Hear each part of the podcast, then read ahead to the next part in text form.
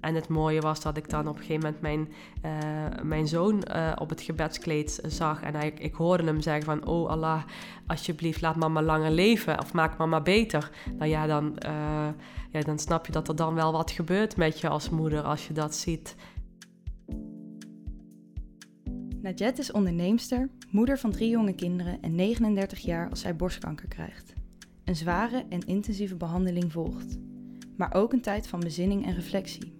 De nabijheid van haar gezin, familie en Allah geven haar kracht en helpen haar betekenis te geven aan deze periode.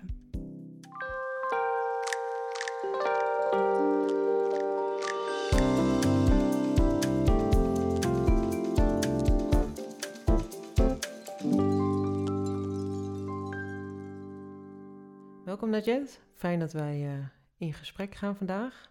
Ja, dankjewel. Fijn dat jullie er zijn. In uh, januari 2016 kreeg jij de diagnose borstkanker op jouw 39ste. Kan jij vertellen uh, hoe je leven eigenlijk voor die diagnose eruit zag? Ja, uh, ja als een moeder van drie kinderen die uh, druk bezig was met het gezin te runnen en daarnaast ook een eigen onderneming was gestart uh, het heel druk had. Ik, heb, ik, ik, had een jeugdzorgorganisatie opgezet en daar heel druk mee bezig. Dus uh, ja, eigenlijk ook heel veel leuke dingen doen. Hè? Een groot sociaal netwerk, uh, sociaal leven, een grote familie. ja, allemaal heel erg belangrijk voor mij is. Ja. En er kwam toch een moment dat jij voelde dat er iets niet helemaal goed was. hoe kwam je daarachter? Of wat merkte je? Ja, wat ik ehm, ik merkte dat, uh, de, uh, dat mijn borst veranderde van vorm. En ehm, ik had al vaker dat ik dacht van, nou, zou ik naar de huisarts gaan? Maar dat ik ook dacht van, nee, dat is toch niks. ik, ik voelde geen knobbel. En ehm, ja, uiteindelijk heeft het me echt wel een twee, drie maanden geduurd voordat ik dacht van nee, en nou is het klaar, nu ga ik naar de huisarts. Want ik zie gewoon iets wat niet goed is. En ja, ik kon er de vinger niet op leggen. Dus uh, ja, toen toch maar die afspraak gemaakt bij de huisarts. Ja. Was je bekend met uh, het zelf controleren van de borsten en ook bekend met, met borstkanker in de familie? Ja, ja ik was, uh, mijn moeder die heeft zelf elf jaar geleden borstkanker gekregen. En eigenlijk vanaf dat moment wel heel bewust bezig met ze voelen, uh, controleren. Um, maar meer in de zin, hè, uh, wat ik toen de tijd meekreeg, uh, je moet voelen op een knobbeltje. En die, voel, die voelde ik niet, nee. En toen ging je dus toch na twee, drie maanden een bezoek brengen aan de huisarts. En, en hoe ging dat? Ja, nou het was, ik had kerstvakantie en ik was ook echt toe aan vakantie. En ik had zoiets van, weet je, ik ga echt pas na de vakantie naar de huisarts. Dus ook dat dacht van, nou ja, ik ga eerst maar eens even mijn vakantie pakken. En daarna dan, uh, uh, dan naar de huisarts. En in de eerste week van januari inderdaad bij de huisarts. En de huisarts die had eigenlijk precies hetzelfde van, ik voel niks. Dus uh, ik denk niet dat er iets aan de hand is, maar om jou gerust te stellen, hè, omdat ik toch wel gezegd had dat ik al drie maanden aan het twijfelen ben om wel of niet te gaan. En dat ik toch het gevoel had van, nee, ik moet dit laten checken. Uh, toen zei ze van, nou, om jou gerust te stellen, uh, gaan we toch even mammografie doen. Ja, dus zo is het eigenlijk gegaan. En toen uh, ging je eigenlijk met een gerust gevoel wel die mammografie doen of naar het ziekenhuis? Hoe, hoe ging je daarheen? Ja, super relax. Want de, ja, we hadden in, die een week later zouden mijn, zijn mijn kinderen jarig. dus we waren in de voorbereidingen van de verjaardagen van onze oudste zoon en mijn jongste dochter. Die, ja, die, die zijn in dezelfde week jarig, dus dat is altijd heel erg gezellig. Um, dus daar was ik druk mee bezig. En mijn man die zei nog van, zal ik uh, vrij nemen? Zal ik met jou meegaan? Ik zeg, nee joh, doe eens normaal. De huisarts die zegt toch dat er niks aan de hand is. En uh, laten we maar gewoon, uh, ik ga daar naartoe en ik bel jou straks wel. Zo ging dat. ja. En toen was je daar?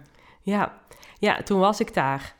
En nou ja, ik, ik was bij de mammografie en er werd een mammografie gemaakt. En uh, nou, ik ging zitten net zoals altijd. En nog steeds het gevoel van, er is niks aan de hand. En ik heb mijn, uh, mijn man ook even een appje gestuurd van... nou, we zien elkaar straks bij de IKEA... want we gingen daar naartoe om een cadeautje voor mijn dochter op te halen. Dus, maar ja, toen kwam de verpleegkundige en die zei van, nou, ehm, ja, we hebben iets gezien en we willen toch meteen een biopsie laten doen. Ja, en toen ging mijn buik wel eventjes draaien. Dat ik dacht van, oh jee, wat is er? Wat is dit? Wat is er aan de hand? Ja. Ja, dus ik moest meteen een kamertje verder een echo laten maken. En ja, ik zag de meneer, de echoscopist heet die volgens mij, die keek en ik zag al aan zijn gezicht van, oh jee, dit is niet goed. Dus hij had meteen wat weefsel weggehaald en uh, ja, hij, hij keek me aan en ik dacht van nee, ik zeg meneer, ik zeg er zit iets wat er niet hoort te zitten hè. Hij zegt ja, dat klopt. Ik zeg nou kunt u ook vertellen wat er zit dan? Nou, dat kon hij niet vertellen, want hij moest wachten op, op de uitslag. Maar hij zei wel van, nou er zit inderdaad iets wat er niet hoort. Dus ja, toen had ik eigenlijk mijn rekensommetje al gemaakt. Ja. Want wat ging er toen door je heen? Want je was daar eigenlijk alleen, uh, je moest nog naar de IKEA. Hoe, uh, hoe, hoe, kwam dat bij jou binnen? Ja, op zo'n moment ga, uh, heb je een, een achtbaan aan emoties in je hoofd. Dat je denkt van, oh jee, wat nu? de onzekerheid die speelt ineens een hele grote rol. Ehm, nou ja, je weet nog niet precies wat er aan de hand is. Dus ook dat is dan gissen. Wat is het dan? Uh, ik ging er wel al vanuit, dit is borstkanker. Want uh, uh, ik heb eigenlijk altijd wel gedacht van... het is niet de vraag of ik het krijg, maar wanneer ik het krijg. Als je, er zijn zoveel vrouwen in mijn omgeving die daarmee te dealen hebben. Dus ja, waarom zou ik daar een uitzondering op zijn? Dus dat, dat gevoel had ik wel altijd al. En... Um, ja, en nu was het van oké, wat nu? Hè? Ik lag daar en ik lag daar alleen. Uh, nou, ik dacht, ik ga nu niet mijn man bellen. Dat doe ik dan als ik onderweg naar huis ben. Want uh, anders gaat hij weer uh, hals over kop in de auto en naar mij naar het ziekenhuis rijden. Um, dus ik, ik, ik heb hem gewoon geappt, ik zie jou zo. en we zijn ook gewoon naar de IKEA gegaan. En ja, daar bij de lunch heb ik het hem gezegd van... nou, er is iets gezien wat, wat er niet hoort. En ik krijg volgende week de uitslag. En dat was op vrijdag, dat weet ik nog heel goed, want zaterdag zouden wij het grote mensenfeest hebben van onze kinderen. Ja, ja. En dinsdag zouden we de uitslag krijgen, dus dan wisten we wat er aan de hand was. En hoe reageerde die man? Je zit in de IKEA. Uh... Nou, eerst heel rustig, van uh, we weten niet wat er is. Hè? Dus uh, ja, hij kan altijd ook heel goed de rust bewaken. Van laten we nou nu niks in ons hoofd halen, hè? Wat, wat we niet weten dat er is. En laten we gewoon even dinsdag afwachten. En dan weten we gewoon waar we aan toe zijn. En als het er is, ja, dan is het er. Dan gaan we er samen doorheen. Dus ja, het woordje samen was wel heel erg belangrijk en maar ook in het hele proces goed voelbaar. Ja. En, en uh, nou ja, de volgende dag heb je een groot feest, terwijl je toch een soort van ja, zwaard van Damocles. Je hebt toch zo'n gevoel van, oké, volgende week uh, is vrij spannend over het moment. Hoe ga je dan zo'n verjaardag in? Hadden je besloten toen al de kinderen in te lichten of nog niet? Nee, nee, we hebben toen nog niks gezegd, tegen niemand niet, uh, ook niet in de familie. we hebben het echt bij ons tweetjes gehouden. En ja, de sfeer was wel anders de mensen die kwamen. En ja ik, ja, ik zag er dan toch ook wel bedrukt uit. En uh, mensen zagen wel dat er uh, van, nou, Najetta was niet oké. En achteraf kreeg ik te horen dat, dat mijn moeder bijvoorbeeld dacht van, ja, ik dacht dat je ruzie had met jouw man. En weet je, dus dat ging een heel, een heel eigen verhaal leiden. ja, omdat zij natuurlijk niet wist wat er aan de hand was. Maar ze dachten dat wij onderling iets hadden die dag wat niet lekker liep, ja. En toen, en toen was het dinsdag, want dat was eigenlijk dan het, moment waarop je te horen kreeg... wat is er nou echt gaande? Uh, zijn jullie daar samen toen heen gegaan? Ja, ja, toen zijn we samen gegaan. En op dinsdag was sowieso al de vaste dag dat mijn schoonouders kwamen oppassen. Dus ik, heb, uh, ik ben maandag en dinsdag ook gewoon gaan werken. Hè, dus, uh, en vanuit mijn werk ben ik naar het ziekenhuis gegaan... daar heb ik mijn man getroffen en dan zijn we samen naar de afspraak gegaan. En uh, ja, toen kregen we uh, de, uh, hoe zeg je dat? het moment suprême, dat je ja, toch te horen krijgt dat je een van de gelukkigen bent met borstkanker. En, en wat, was, wat was de. Ze hadden toen de diagnose borstkanker. Uh, wisten ze toen ook al meer over. Uh... Nee, ze wisten toen nog niet uh, meer. ze wisten dat het borstkanker was en dat het. Ja, ze wist wel dat het een hormoongevoelige was. Dus de, ehm, ze gingen er ook van uit dat mijn borst eraf moest. Want het waren allerlei kleine vlekjes, zeg maar, over mijn hele borst heen. daarom was denk ik ook de knobbel niet voelbaar, maar wel de verandering van vorm. Hè? dus dat was goed te verklaren. Um, en ja, toen kreeg ik wel te horen van we gaan wel nog een hele scan doen. Je krijgt een PET-scan en een MRI-scan en, uh, om te kijken of er geen uitzaaiingen zijn. Ja, en dan uh, is het wel even heel erg spannend. Want ja, weet je, op dat moment accepteer je dat het borstkanker is. En dan heb je zoiets van, nou ja, oké, als het dit is, dan is het oké. Want dat was voor mij wel te overzien, zeg maar. Maar ja, dan was de volgende stap van als maar geen uitzaaiingen zijn. Want dat maakt het natuurlijk nog spannender van ja, hoe, hoe dan? Hè? En ook daarin ben ik niet de eerste die, die dat te horen heeft gekregen van hè, mevrouw, u heeft nog een paar maanden, want het zit overal. Ja, dat, dat had ook gekund. Ja. En, en uh, op dat moment was dan hè, in eerste instantie dus borstkanker. Uh, met welke emoties liepen jullie de, het kamertje uit? Ja, heel veel verdriet um, uh, en onzekerheid uh, en angst ook wel. Hè. Uh, ik moet ook eerlijk zeggen dat ik in die weken dat je, dat je nog niet precies weet wat er aan de hand is, nog niet precies weet hoe je behandeling eruit gaat zien, dat angst toch wel echt een, een, ja, een killer is in die periode. Want ja, ik, ja, natuurlijk, je hebt altijd wel momenten dat je angst voelt. Maar ik heb het nog nooit zo gevoeld als ja, in de, op dat moment. Dat je niet weet waar je aan toe bent. En ja, dat, het, dat je leven dus ook echt zo afgelopen kan zijn. Ja. Ja, je, hebt dan een, je weet dan dat er een tijdbom is, maar je weet niet uh, hoeveel tijd daarop zit, zeg maar. Nee, nee, nee, dat weet je niet. Nee.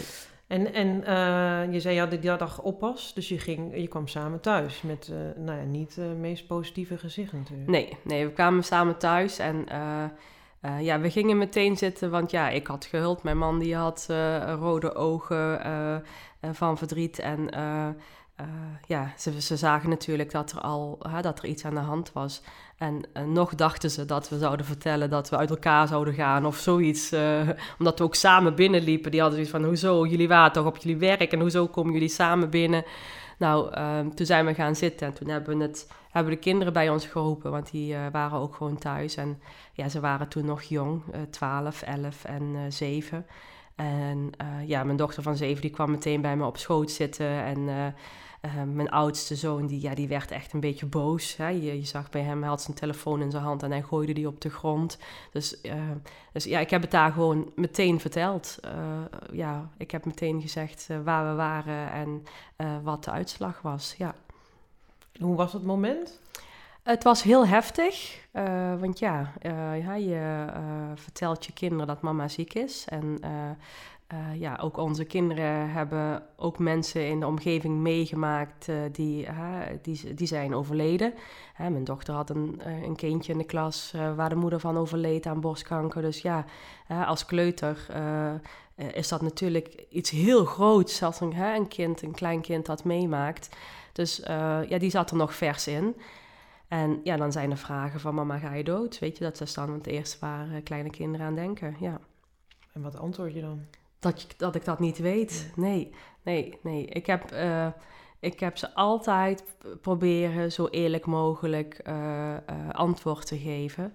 Dat ja, we sommige dingen gewoon niet weten. Hè, dat je ziek bent en dat we hopen met z'n allen dat het beter gaat. En dat we dat het nog, hè, nu een tijd is dat het nog mooier is om, om er voor elkaar te zijn, om elkaar te helpen.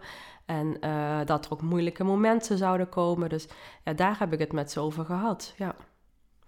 Want je zei ook, um, je moet, moet kinderen inderdaad eerlijk uh, meenemen in het proces. ook omdat als je gaat liegen, dan lieg je tegen jezelf. dat, dat, dat, dat gaf je zo mooi aan.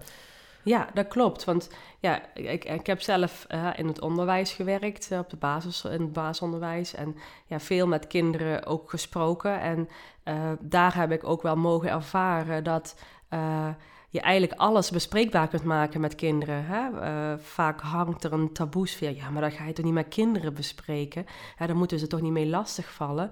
Maar ik vind juist dat je ook uh, dit soort live events, hè, want dat is het, hè, het dood hoort ook gewoon bij het leven, uh, dat je dat bespreekbaar moet maken en dat, dat, er, ja, dat dat er is, dat het er mag zijn. en ja, op die manier dat je kinderen inderdaad meeneemt in het proces. Want ja, je kunt niet uh, een ander verhaal uithangen terwijl de telefoon roodgloeiend ha uh, hangt. Uh, of dat je het aan de telefoon iedere keer hangt omdat mensen bellen van hoe gaat het met je en wat heb ik gehoord. Ja, je kan niet dat heel de buitenwereld weet wat er met jou aan de hand is en dat je je kinderen daar niet in meeneemt. Nee, ze hebben daar een heel. voor mij was het juist belangrijk om hen daar een mooie positie in te geven. Ja.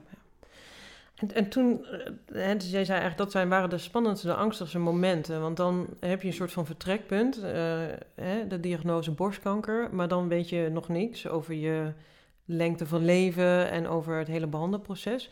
Um, hoe ging het toen verder? Ja, al snel krijg je inderdaad zo'n scan.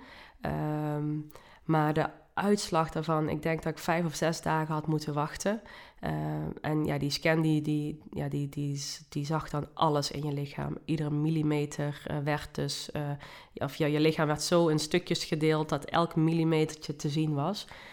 En ehm, ja, daar moest ik vijf of zes dagen op wachten. ik weet niet meer precies. Maar dat waren wel hele moeilijke dagen. Dat waren ook dagen dat ik uh, uh, me moeilijk kon, kon, concentreren op de, de gewone dingen, zeg maar. Dat ik constant bezig was van, ja, wat zal het zijn? Zullen er uitzaaiingen zijn? En uh, ja, toen ik het telefoontje kreeg van het ziekenhuis van er zijn geen uitzaaiingen en het is alleen de borst. Nou, ja, ik was super blij. dat was echt ongelooflijk dat ik dacht van, hoe kan het nou dat ik nou zo vrolijk en zo blij ben, terwijl ik eigenlijk toch nog wel een, best wel een heftige diagnose heb. Um, maar ja, uh, daarin zie je dus dat je als mens ook uh, heel weerbaar bent en heel, ja uh, rekbaar in de dingen die je aan kunt, zeg maar. Hè? Dus uh, ja, dat, dat, dat, was goed te merken. Ja. Want wat was die je grootste angst in het uitzaaien? Was dat dan uh, ook de dood die je dan... Nou ja, de, de, sne de, de, snelheid van iets, dat beangstigde mij.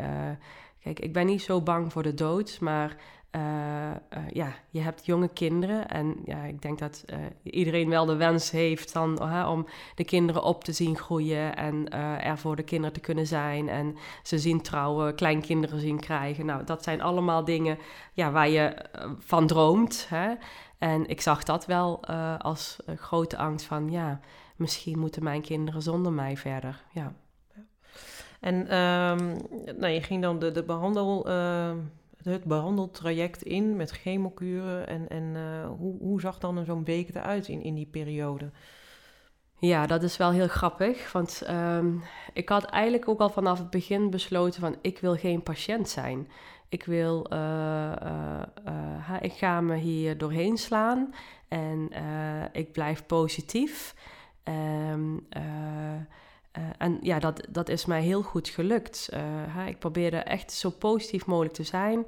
Ik, ik, ik, had op vrijdag had ik altijd de chemo, dat plande ik op de vrijdag in. En ja, op woensdag plande ik al afspraken op mijn werk. Want dan, ik wilde gewoon door. ja, ik had, mijn baan was veel te leuk om te zeggen van ik ga er een jaar uit. Dus ik heb, ja, in dat jaar heb ik gewoon, ben ik gewoon door gaan werken. Ja. En ik wilde geen patiënt zijn. Nee. En, en, want het is hartstikke zwaar, want je, je, dat is een zware behandelingen, uh, emotioneel, uh, fysiek. Um, hoe, hoe zorg je dat hier de boel draaiende, of bleef je dat ook allemaal doen? Nee, nee ik had heel veel hulp van uh, mijn ouders en mijn schoonouders. vooral mijn schoonouders die in de buurt wonen. Ehm, mijn schoonmoeder die gewoon iedere dag was, die kookte voor ons. En, um, en voor hen was het ook wel, omdat ik altijd zo'n druk bijtje was, altijd bezig bij, altijd met van alles en nog wat bezig, was het voor hen ook wel een shock. Uh, ik denk dat de shock meer voor hen was van ze zit thuis en ze doet niks. dat was denk ik meer een shock voor hen. Dat ze het eigenlijk mij ook wel gunde dat ik gewoon met de dingen door kon gaan. En dat zij al het andere gingen regelen. Hè. Dus ik had ook mijn vriendinnen die de kinderen naar het sporten brengen. Hè, dat, ja, dat waren ook allemaal taakjes die vooral bij mij lagen. mijn man die vaker thuis was, die daar ook heel veel in deed. dus ik heb echt wel het gevoel gehad van uh, ja, we zijn eigenlijk samen ziek geweest en we hebben ons er samen doorheen uh, geworsteld. Ja. En, en je hebt dan ook chemo, dan valt je haar uit, dan gebeuren allemaal dingen die impactvol zijn. hoe heb je dat? Ja, ja dat vond ik ook wel ehm, weet je, als je je haar verliest, dan verlies je je vrouwelijkheid. En dat was voor mij ook wel dat ik daar best wel veel moeite mee had. Hè? Uh, ik was heel erg blij dat ik een, uh, een, een, ja, een hoofddoek droeg. Dus uh, niemand die zag dat ik kaal was. Hè? Maar het proces er naartoe, de eerste chemo, ja, dat is misschien wel leuk om te delen. Ik had uh, nou, de eerste twee weken geen haaruitval. Dus ik dacht, oh yes, misschien dat ik de dans ontspring en dat het mij niet gebeurt. Dat ik niet kaal word. Maar ja hoor, in die derde week, nou, ik hoefde maar aan mijn haar te trekken en ik trok het er zo uit. En toen heb ik ook ehm, uh, ja, heb ik iets heel leuks gedaan. Ik heb met mijn kinderen ben ik op de badkamer gaan staan. Ik heb ze alle drie een uh, schaar gegeven. En gezegd, we gaan iets heel geks doen. Jullie mogen mama's haar afknippen. Dus dat uh, ja, hebben we met heel veel lol gedaan. En ze hebben zitten knippen, knippen, knippen totdat het niet meer kon. En daarna hebben we het eraf geschoren. En ja, ja, dat, ja, toen was het eraf. En toen, uh, kijk, buiten heb ik een hoofddoek op en was het niet zo zichtbaar. Maar binnen normaal gesproken heb ik geen hoofddoek op. Um, maar ik heb wel altijd met een mutsje of uh, iets uh, opgelopen. Want ja, ik vond het toch niet prettig om met een kaal hoofd rond te lopen. Want ja, dat, dat, die associatie is dan ook heel erg groot met mama is ziek. Ja, dus ik probeerde ook dat een beetje weg te camoufleren. Hè. Natuurlijk waren er ook echt wel momenten dat ik ziek kon zijn. En dat zo'n dag na de chemo, ja, dan voel je je gewoon niet lekker. Dan lig je ook in bed. En dat was ook prima. Maar ik wilde niet daarin blijven hangen. En hoe was het voor jouw kinderen? Want enerzijds zullen ze natuurlijk uh, fantastisch vinden dat ze eindelijk een keer uh, met een schaar door het haar. Maar aan de andere kant, hè, het is ook een heel uh, zwaar en ernstig proces op dat moment. Ja, ja weet je, het, ehm, het, uh, het, is, het is zeker een zwaar proces, maar aan de andere kant is het ook een heel mooi proces. Want je uh, merkt ook wel dat je op zo'n moment, en dat is heel cliché, uh, dat je dan pas ziet wat echt belangrijk is. En dat is je gezin, dat zijn de mensen om je heen, je ouders, je, je broers en zussen en schoonouders. En, dus dat zijn dan op dat moment de belangrijkste mensen. En uh, uh, vooral je gezin, hè, waar je iedere dag mee te maken hebt. Ja, daar gebeuren dan zulke mooie momenten die, uh, ja, die ik normaal gesproken niet zou hebben met ze. Hè, samen huilen, samen lachen, samen ja, je haar knippen, praten over de dood. Nou, dat zijn allemaal momenten ja, die je normaal gesproken ja, niet zou, zomaar zou doen. Nee. En je gaf al aan, hè, je zei, praat over de dood. Dat was toch een onderwerp, ongeacht dat er geen uitzending waren, maar wel een onderwerp wat natuurlijk uh, op tafel kwam. Uh, hoe, heb je dat besproken binnen je gezin? Hoe, hoe leg je kinderen uit uh, um, dat dat nu meer aan de hand is of dat het, hè, dat het leven ook eindig kan zijn? Ja, nou, wij hebben sowieso ook in de periode dat ik ziek was, heel veel ge, uh, steun gehad aan uh, de islam, hè, het geloof. En aan God, hè, dat hij er voor ons is. En dat zijn ook de gesprekken die ik met mijn kinderen heb. Dat, weet je, de dood is één iets, maar er is ook iets na de dood. Hè? Er is een leven na de dood. En dat probeer je met je kinderen ook bespreekbaar te maken. Van, uh, uh, nou, hè, we zijn uh, hier op het aardse, maar dit is maar een hele korte reis. En we gaan straks komen op een veel mooiere plek terecht. Dus dan is dat ook voor kinderen ja, makkelijker te behappen, zeg maar, om ook over de dood te praten. Want het is niet klaar. En uh, dat geeft ze dan ook wel weer meer houvast en uh, vertrouwen van oké, dan komen we elkaar dan toch nog een keer tegen. Um, wat, wat ook uh, heel bijzonder was, is dat wij ja, begraven, hè? We, over begrafenis hebben het gehad. Ja, dat wij het ook over gehad hebben van ja, maar wij willen eigenlijk niet dat mocht je doodgaan, dat je dan naar Marokko moet. Hè? Want dat was voor ons een soort van, zelfsprekendheid. Hè? Onze ouders die hebben een verzekering afgesloten in Marokko. En ja, wij hebben dat ook maar gedaan. En uh, omdat het zo hoort. Maar uh, ja, als je er goed over na gaat denken, hè? Uh, mijn man en ik zijn allebei in Nederland geboren. Dus uh, wij hadden zoiets van, ja, maar waarom willen wij eigenlijk in Marokko uh, begraven worden? Wa wat hebben wij daar eigenlijk te zoeken? En waar dan? Hè? Want mijn man die komt uit een hele andere streek als ik. Dus waar word je daar dan begraven? En gaan onze kinderen daar nog hè, ons opzoeken?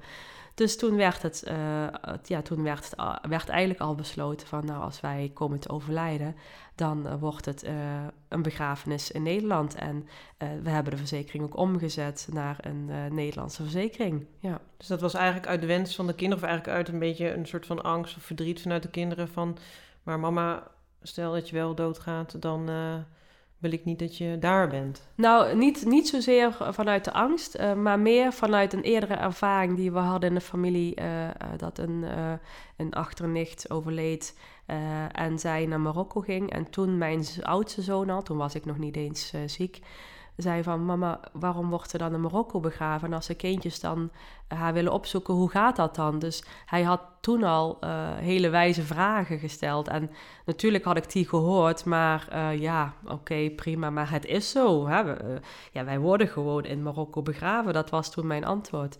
Maar ja, als je er zelf in zit, dan ga je daar kritisch over nadenken. En dan kom je tot de conclusie dat dat dus helemaal niet zo hoeft te zijn. En dat je daar ook eigen keuzes in kunt maken. Ja. En dat was een van de dingen die natuurlijk in een ander perspectief uh, kwamen te staan. Uh, ja, zei in het begin al, hè, ik wist dat ik borstkanker had en dat mijn borst geamputeerd moest worden. Um, wat doet dat met je vrouwelijkheid? Hè? Je verliest je haar, maar ook uh, je verliest hè, een belangrijk onderdeel van het vrouwelijk lichaam. Wat, wat, hoe je, wat hield het voor jou in? Nou, het haar vond ik best spannend, want dat is uh, toch wel zichtbaar hè, voor uh, meerdere mensen, zeg maar. Um, ik vond mijn borst uh, uh, achteraf helemaal niet zo spannend. Hè? Uh, de weg er naartoe wel, want ja, je, krijgt een operatie en maar ja, op een gegeven moment had ik zoiets van: ja, weet je, dit is mijn nieuwe ik. En dit is mijn nieuw, mijn nieuw lichaam. En als God iets hè, van me afgenomen heeft, wat eigenlijk ook al wat ik van hem gekregen had, dan, ja, dan moet ik daar ook dankbaar voor zijn. En dan is dat prima zo. Dus ik heb dat stukje ook geaccepteerd dat het zo is. Ja. En, en hoe was het voor jouw man? Jullie zien beide jouw lichaam. Wat betekent dat voor hem? Hebben jullie daar gesprekken over ja, gehad? Ja, ja, voor hem was het ook geen, uh, uh, dat was geen issue. Nee. nee, die had zoiets van je moet doen waar jij je lekker bij voelt. Voor mij hoef je niks uh, erbij of eraf. Of waar jij je lekker bij voelt, waar jij je prettig bij voelt, dat doen we gewoon. Dus daarin voelde ik wel heel erg de steun. Want inderdaad, de vraag is dan: uh, uh, doe je een borstencorrigerende operatie nadien? Um, dat doen veel vrouwen natuurlijk, sommigen ook niet. En voor jou was dan de overweging om dat dan gewoon te laten zoals het, zoals het is? Ja, en ja, er waren meerdere redenen voor. Hè. Een van de redenen was van ja, waarom moet ik iets iets willen wat, ja, wat van me afgenomen is. Wat, ja, wat gewoon ziek was en weg is gehaald. Uh, aan de andere kant had ik ook zoiets van: uh, ik ga echt niet meer vrijwillig op die operatietafel liggen. Want uh, ja, ik had op dat moment ook zoiets van: ik snap niet dat mensen voor hun lol hè, dingen laten veranderen aan hun lichaam. Want ja, ik vond het, de operatie vond ik gewoon nog niet fijn. Hè, dat je daar ligt en ja, ik vond het niet prettig. Nee. Dus niet als vrijwillig? Het niet, nee. nee. als het niet hoeft, dan nee. hoeft het niet. nee. nee. En um, nou ja, de hele behandelingen en de, uiteindelijk de operatie, dan, dan rijzen ook vragen. En nu? Ben ik dan nu, nu klaar? Uh, ben ik nu weer gezond? Of uh, hoe stel je die vraag aan de arts? Um, nou, wat ik wat, wat ik in ieder geval in, hè, in, in de periode dat ik ziek was en veel behandelingen, heb ik heel intens mijn gebeden gedaan. Hè. Dat, dat was voor mij heel erg belangrijk. En ik vond het ook fijn om met mensen omringd te zijn die ook net iets meer wisten over het geloof en mij daarin konden meenemen. En uh, dat gaf mij heel veel kracht. En toen heb ik ook geleerd van, weet je, het is wat het is.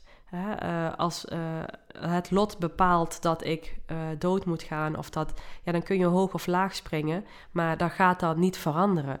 Dus accepteer datgene wat er is en wees dankbaar voor wat je hebt. Hè? Dus dat je, ondanks dat je ziek bent, toch nog kunt kijken naar de dingen die je wel hebt. En dat je daar dankbaar voor bent. Dat is wel iets wat ik heel erg geleerd heb in de periode dat ik ziek uh, was. En um, wat ik nog steeds probeer vast te houden. Maar ja, je merkt toch ook wel uh, hoe ver die er vanaf komt. Hoe, uh, ja, hoe minder dat dan ook is. Want je, ja, je verliest jezelf dan toch ook wel weer in het wereldse. het rennen en het chasen van, van afspraak naar afspraak, et cetera. Um, maar toen ik toen alles achter de rug was. Ja, dus ik heb me heel erg ingeleefd in, uh, of ingezet voor het, het gebed doen. En uh, uh, op verschillende tijden, vooral het nachtgebed vond ik heel fijn. Want dan voelde je ook ja, helemaal alleen, midden in de nacht. dat je echt het lijntje met God heel kort had. en toch had ik, toen ik klaar was met, de, met mijn behandeling, dat ik aan de arts vroeg: ja hoeveel procent heb ik eigenlijk nog uh, hè, dat de kans maakt dat het weer terugkomt. En ik vroeg het en ik dacht al van, wat ben ik eigenlijk aan het vragen? Ik, ik wil eigenlijk van hem weten van, hoeveel jaar heb ik nog of zo, hè? Eh, of komt het ooit terug? Of... Dus, uh, en toen keek hij me aan en hij zegt, ja, weet je, hij zegt, ik kan daar niks over zeggen. Het is net een kansberekening. Hè? En ik weet niet in welke, welke categorie jij zit. Het is hetzelfde als dat je zegt van uh, ga maar een uh, lot voor de loterij kopen. Zoveel kans dat je, dat je wint. Maar niemand zegt jou in welke categorie je zit. Dus dat was voor mij uh, dat ik dacht van oké. En het mooie is dat, dat die chirurg, dat was een Nederlandse chirurg, dat hij tegen mij zei Allahi Shafiq. En dat betekent mogen God jou beter maken. En toen dacht ik wow, dan ben ik zo bezig geweest met mijn gebed en mijn uh, uh, islam en imaan en uh, en nu zegt een Nederlandse arts dat ik gewoon het vertrouwen in Allah moet uh, uh, houden en dat dat voor nu belangrijk is. Dus ik ben daar weggegaan. Ja, het was alsof er even een engel iets in mijn oor fluisterde en het gaf mij zoveel kracht dat ik daarna dacht van ja, inderdaad, wat zijn we toch moeilijk aan doen. Het is wat het is. Ja. ja. Nog heel veel terug naar die, naar die gebeden. Je zegt, want ik kan me voorstellen dat je ook in die hele periode echt momenten hebt dat je onzeker bent uh, en dat je verdrietig bent. En, en, en waren dat dan ook de momenten dat je je kwetsbaar kon opstellen? Was dat, waren, daar, waren daar ook die gebeden voor, voor jou? Nou, we hebben sowieso dat we vijf gebeden per dag hebben. En uh, uh, die zijn er dus iedere dag. Uh, maar tijdens zo'n proces heb je ook wel eens momenten dat je denkt: ik ga extra bidden, inderdaad. Ik, ik ga gewoon Allah vragen om mij toch nog wat meer jaren te geven hier op deze, op deze wereld. Hè, dat ik mijn kinderen wil ze opgroeien. Maar ook dat ik mijn kinderen daarin meenam. En het mooie was dat ik dan op een gegeven moment mijn, mijn zoon op het gebedskleed zag. En hij, ik hoorde hem zeggen: van, Oh Allah, alsjeblieft, laat mama langer leven of maak mama beter. Nou ja, dan, ja, dan snap je dat er dan wel wat gebeurt met je als moeder als je dat ziet. Dat ook hij het, een manier gevonden heeft om zijn rust daarin te krijgen en het lijntje met God te zoeken. Ja. Want gingen jullie ook samen bidden of, of, of was het, is het vaak wel gewoon individueel? Of hoe hebben jullie dat in die periode gedaan? het was niet echt specifiek dat we samen gingen bidden om uh, God te vragen eh, om mij beter te maken. Maar er waren wel momenten dat wij gewoon samen het gebed deden. Hè? Want we hebben vijf keer per dag dat we het gebed doen. En dat ik dan gewoon zei, wie, moest dan, wie moet dan nog bidden? Wie bidt er mee? En dat de kinderen dan meekomen bidden, ja. En wat was jouw rol van jouw man? hoe heeft hij jou hierin kunnen steunen in deze periode? Want, want hij heeft natuurlijk ook zijn verdriet als de man die, uh, uh, nou ja, het was op zich natuurlijk op een gegeven moment wel duidelijk dat je niet per se uh, dood zou gaan, maar hè, voor een naaste kan zo'n proces natuurlijk eh, heel anders beleefd worden. Hoe was dat voor hem? Ja, uh, voor hem was het eigenlijk... ja, hij was er altijd en dat was heel fijn. Voor, hij vond het heel erg belangrijk ook dat hij alle gesprekken die ik had in het ziekenhuis, dat hij er gewoon bij was. En als ik een keer zei van nou, eh, ik ga met mijn vriendin naar een chemo, dat hij ook echt keek van ja, maar ik heb al die tijden al geblokt. Weet je, ik heb liever dat ik met jou meega. Dus er werd bijna gevochten om wie er met me meeging naar de chemo. Maar uh, ja, ik merkte aan hem heel erg dat hij dat wel nodig had om mij daarin te begeleiden. Dat proces, dat hij er voor mij moest zijn. Ook al zat hij uren naar mij te kijken terwijl ik die naald me kreeg. Maar ja, hij wilde daar gewoon zijn. Hij had al die tijden geblokt. Um, ja, was, was er gewoon altijd. En uh, het, ja, het mooie toen in die tijd had hij een werkgever die uh, net hetzelfde had meegemaakt met zijn vrouw. Dus uh, ja, hij had er ook heel veel begrip voor, waardoor hij ook heel makkelijk kon zeggen: Ik ga nu even naar huis, want het gaat even niet goed thuis. Of ik moet thuis even iets doen. en dat, ja, daar was gewoon ruimte voor. Dus dat was heel fijn, ja. Ja, dus dat is wel een, voor jou een belangrijke steun ook waarin je zei van daarin doen we het echt samen. Ja, ja het woordje samen was echt heel belangrijk en heel erg uh, voelbaar. En uh, uh, ja, en ook zijn ouders die hier in de buurt wonen, die, ja, mijn schoonmoeder die was er iedere dag.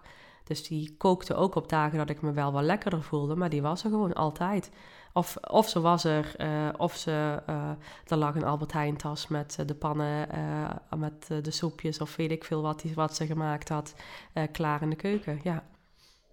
Hey, en en toen, toen was het dus de periode, hè, toen waren de behandelingen klaar. De arts gaf jou een mooie boodschap mee, of eigenlijk een boodschap mee die passend was. Ja, die passend was voor jou, want dit is wat het nu is en uh, de toekomst zal het vertellen, of uh, Allah, of nou ja, ja. Hè, wat, wat, uh, wat gebeurt, dat weten we niet.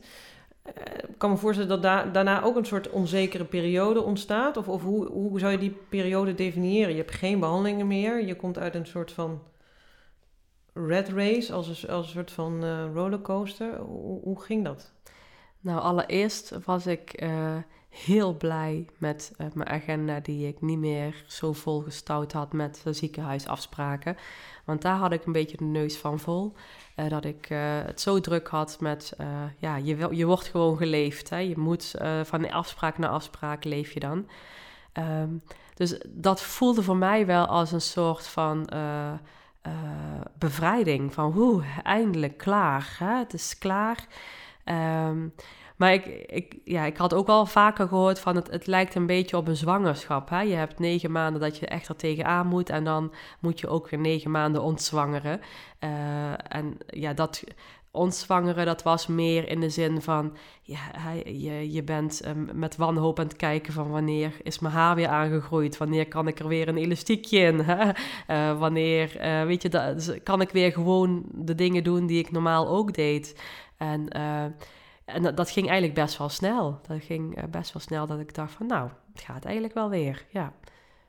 Want, want het vertrouwen lichaam is natuurlijk even, even weg. Uh, duurt dat la langer of, of, of, of is dat eigenlijk nooit weggegaan? Of, of? Nou, er zijn uh, een aantal momenten geweest dat ik uh, natuurlijk ja, iets voelde in mijn zij of in mijn heup of weet ik veel. En dat je dan ook meteen de link legt van, oh jee, het zal toch niet, hè? het zal toch niet daar nu zitten. Of, uh, en dat heb ik een half jaar of zo, uh, dat ik daar heel bewust mee bezig was. En daarna uh, is dat eigenlijk niet meer zo, nee, niet zo ter sprake gekomen. Nee. Wat, wat zijn voor jou eigenlijk de, de belangrijkste, want, je, want je gaf ook al eens aan van het proces is enerzijds heel emotioneel, en anderzijds, wat heeft het jou ook gebracht? Ja, het heeft mij hele ja, eigenlijk een hele rijke ervaring. Uh, een ervaring die je niet uit een boek kunt leren. Um, wat ik uh, sowieso uh, hoe, hoe je het vertrouwen kunt opbouwen en hoe je wat positiviteit met jou kan doen. Um, dat zijn wel dingen die ik heel erg geleerd heb in, in die periode. Um, en ja, als mens, uh, je verandert gewoon als mens. Uh, het, je bent rijper, je bent, ja, wijzer. Je hebt ja, toch wel dingen meegemaakt die niet iedereen meemaakt. En dat vormt dan ook weer in hoe je bent, hoe je wordt. Ehm, ja, hoe je met mensen omgaat, hoe je naar mensen kijkt. Ja, wie, uh, wie was er allemaal voor mij in een periode dat ik het zo druk had, of uh, dat ik zo ziek was. En, uh, nou, dat, dus je leert ook de mensen die echt van je houden. En ja, dat zijn allemaal dingen die heel belangrijk zijn in zo'n periode. Ik denk ook wel eens van, ja, weet je, ik, ik, zie, ik heb ook heel veel mooie momenten meegemaakt. En omdat ik die mooie momenten mee heb gemaakt, heb ik ook wel zoiets van Ehm, ja, ik, ik, zou, ik, zou, ik zou het niet anders uh, willen, zeg maar, dan dat dit gebeurd is. Hè? Dat, dit, uh, dat dit ook een stukje uh, ja, geschiedenis is geworden van, van mij. Ja. En, en hoe is het voor jullie als gezin? Hebben jullie, hebben jullie de roer helemaal omgegooid? Hè? Dat doen sommige mensen die zien het leven in een volledig ander perspectief naar zo'n heftige gebeurtenis. Hoe, hoe hebben jullie dat hoe is die periode eigenlijk gegaan daarna voor jullie? Nou, uh, daarna en uh, ook tijdens hebben we natuurlijk wel uh, vaker benoemd van hoe belangrijk het is om samen leuke dingen te doen, om tijd voor elkaar vrij te maken. En dat is ook gelukt, hè, dat we dat belangrijk vinden. Maar buiten dat is het voor onze kinderen ook een hele ervaring geweest. Hè? Uh, ja, een zieke mama, dat, uh, ja, dat, is toch, dat heeft toch wel een hele impact hè, op, op het hele gezin. En uh, ja, het mooie is dat we dat met z'n allen, dat we daar heel bewust er doorheen zijn gegaan. Hè, met de prentenboekjes die erbij horen, veel voorgelezen over ziek zijn, over doodgaan. Nou, dat zijn allemaal dingen, daar heb je allemaal extra aandacht aan besteed. En ook op die manier dat het er gewoon mag zijn. Dus niet vanuit de angst van, oh, oh de mama is ziek en uh, het kan zomaar zijn dat. Nee, uh, juist vanuit positiviteit ernaar gekeken van, hé, hey, we kunnen nu extra dingen voor elkaar doen en we kunnen nu extra leuke dingen gaan doen en ervan nog meer van genieten. Nou, dat soort dingen, daar wilde ik de aandacht op vestigen en dat probeer ik nog steeds te doen, ja. Jouw moeder heeft, uh, voordat jij borstkanker kreeg, zelf borstkanker gehad. Hoe, hoe was dat voor jou toen jouw moeder dat te horen kreeg? Um, ja, best wel heftig. Um, ik was toen zwanger van mijn uh, jongste en hoogzwanger. En uh, ja, dan gaat er ook van alles door je heen. En uh, uh, maar mijn moeder die had wel een, meteen eigenlijk al uh, te horen dat het een, een hele gunstige vorm was. En, uh, en het was nog maar net 1 millimeter. ze had haar eerste verplichte, hoe zeg je dat? mammografie, de borstkankeronderzoek. Hè, de, ze was, ja, zij, zij was net 50. En de eerste keer dat zij dus de mammografie deed, ja, werd er iets, iets gezien. En het was eerst, oh nee, dit is toch kalk. Uh, en toen, nee, toch niet. En, ja, en toen bleek dat het toch wel borstkanker was. Maar het was echt heel klein. en ja, ze heeft ook een borstbesparende operatie gehad. En, maar ook wel chemo. En ik moet zeggen, ik, ik kan me niet meer zo heel veel herinneren van dat moment. Omdat ik zelf... aan het einde van mijn zwangerschap was en het ook niet goed met mij ging. En uh, dus uh, in die zin denk ik nu achteraf, ik heb er eigenlijk helemaal niet optimaal voor mijn moeder kunnen zijn toen zij zo ziek was. Ja. En, en hoe, dat, hoe was dat andersom? jouw moeder was er natuurlijk voor jou, maar ook zij zag dat jij hetzelfde moest doorgaan als dat zij is doorgegaan. wat, wat heeft dat in jullie band gedaan? Uh, ja, sowieso, uh, onze band is heel sterk. Uh, maar wat ik zo mooi vond, is dat ik aan haar een heel mooi voorbeeld had. Hè, voor, ja, zij had het allemaal meegemaakt, dus zij kon mij ook... Hè, ik kon ook vragen, mama, voelde jij dat ook? Of had jij dit ook? Hè, dus daar kon ze mij... Ja, zij kon me daar echt heel goed in begeleiden. Um, en ik had natuurlijk ook een heel goed voorbeeld van, het komt wel goed, hè? want met mijn moeder gaat het ook goed. Dus uh, dat, ja, dat was wel heel erg mooi om iemand, uh, zo iemand ja, zo dichtbij te hebben, uh, dat je gewoon een, ja, een positief verhaal hebt waar je op terug kunt kijken, maar waar je ook vragen aan kunt stellen van hoe was dat nou bij jou en hoe voelde dat? En ja, dat was wel heel fijn om zo iemand naast je te hebben. En nu zijn we een aantal jaren verder. Um, uh, je zei, hè, je zit al vrij snel weer in het aardse en in gewoon het tussen haakjes normale leven. Um, zijn er momenten, of als je je lichaam ziet, of als je andere dingen gebeuren in leven, dat je, dat je nog weer even terugdenkt daaraan? Of dat je um, ja, weer even teruggaat naar dat moment? Of is het voor jou echt zoiets van dat was toen en... Nee, het, het, het blijft een onderdeel van jezelf. Je, ja, eh, voor mij is het moeilijk om te zeggen, het is afgesloten en we kijken niet meer erop terug. Weet je, ja, uh, ik heb nu, ja, ik, ik mis één borst. Dus je ziet iedere dag wel dat uh, wat er is geweest. En dat dat niet zomaar is gegaan. En dus het is gewoon een onderdeel ja, gebleven van mijn leven. En ik denk er niet iedere dag aan. Maar ja, het, het, is wel iets wat bij mij hoort. En ja, waar ik ook wel uh, met uh, een heel positief gevoel op terugkijk. En ja, dat het mij gemaakt heeft tot wat ik nu ben. De, dat dat weer een ervaring rijker is. Dus ja, daar ben ik alleen maar heel erg trots op. Ja. Um, wat, wat zou je in het proces, uh, uh, als je nu terugkijkt, hè? Je, je, je moeder verwoordde het heel mooi. Die zei, er gaat een stofwolk omhoog. Ja.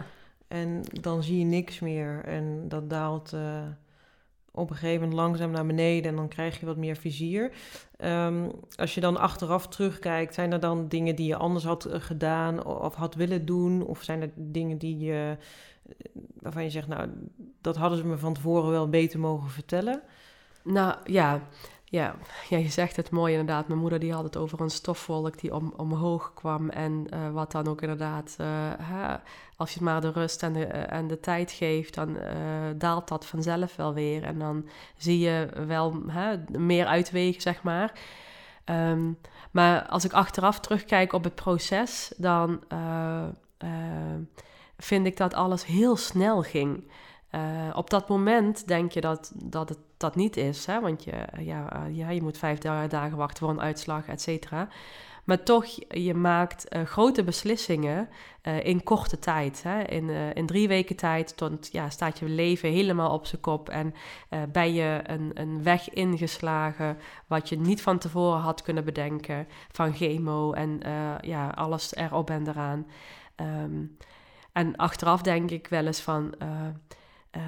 had ik had ik mezelf maar iets meer tijd gegund om ook goed na te denken over: oké, wat ga ik nou precies doen? Hè? Uh, uh, de chemo, wat voor effect heeft dat? Wat voor nasleep heb je daarvan? Wat voor, hoe ziet dat er over tien jaar uit bij mij? Uh, nou, weet je, dat soort kleine dingen. Hè? Dus uh, ja, wat zijn het voor medicijnen die ik krijg? Nou, weet je dat je daar kritisch naar gaat kijken uh, voordat je dingen uh, zomaar laat indienen, zeg maar.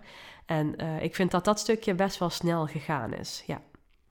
Dus daar had je dan, hè, waarschijnlijk had je die ruimte, voelde je op dat moment niet, maar dat, dat zou wel prettiger zijn geweest om ja, je voelt die ruimte niet, want op dat moment denk je, uh, begin maar snel, want ik wil er ook snel vanaf. Hè, dus uh, aan de ene kant is dat ook heel erg verklaarbaar, maar uh, als je erop terugkijkt, dan is die stofwolk wel heel erg snel gegaan. En ja, heb je eigenlijk weinig tijd gehad om even uh, ja, van die, van die uh, uh, evaluatiemomenten van oké, waar staan we nu en hoe gaat het nu en, en nu, hoe nu verder. Nou, dat, je hebt die gespre gesprekken wel in het ziekenhuis, maar ik vraag me wel eens af, heb ik die gesprekken heel bewust meegemaakt? Of ben je dan in een, een modus, uh, overlevingsmodus, van je gaat door, je gaat van gesprek naar gesprek, je bent er, maar eigenlijk ben je er niet. Uh, je bent fysiek aanwezig, maar geestelijk zit je ook weer in een andere wereld. Uh, dus ja, dat maakt dan dat je ja, soms denkt van, nou, heb ik dat echt allemaal meegemaakt? En ja, hoe snel is dat gegaan? En en had ik maar meer tijd voor mezelf genomen om daar goed naar te kijken, naar dat proces. Ja. Dankjewel voor je mooie woorden en eh, je veerkracht. Dat is uh, zeer bewonderenswaardig. En Ja. eh, voor het delen van dit verhaal. Graag gedaan. Dankjewel. Graag gedaan, dank je.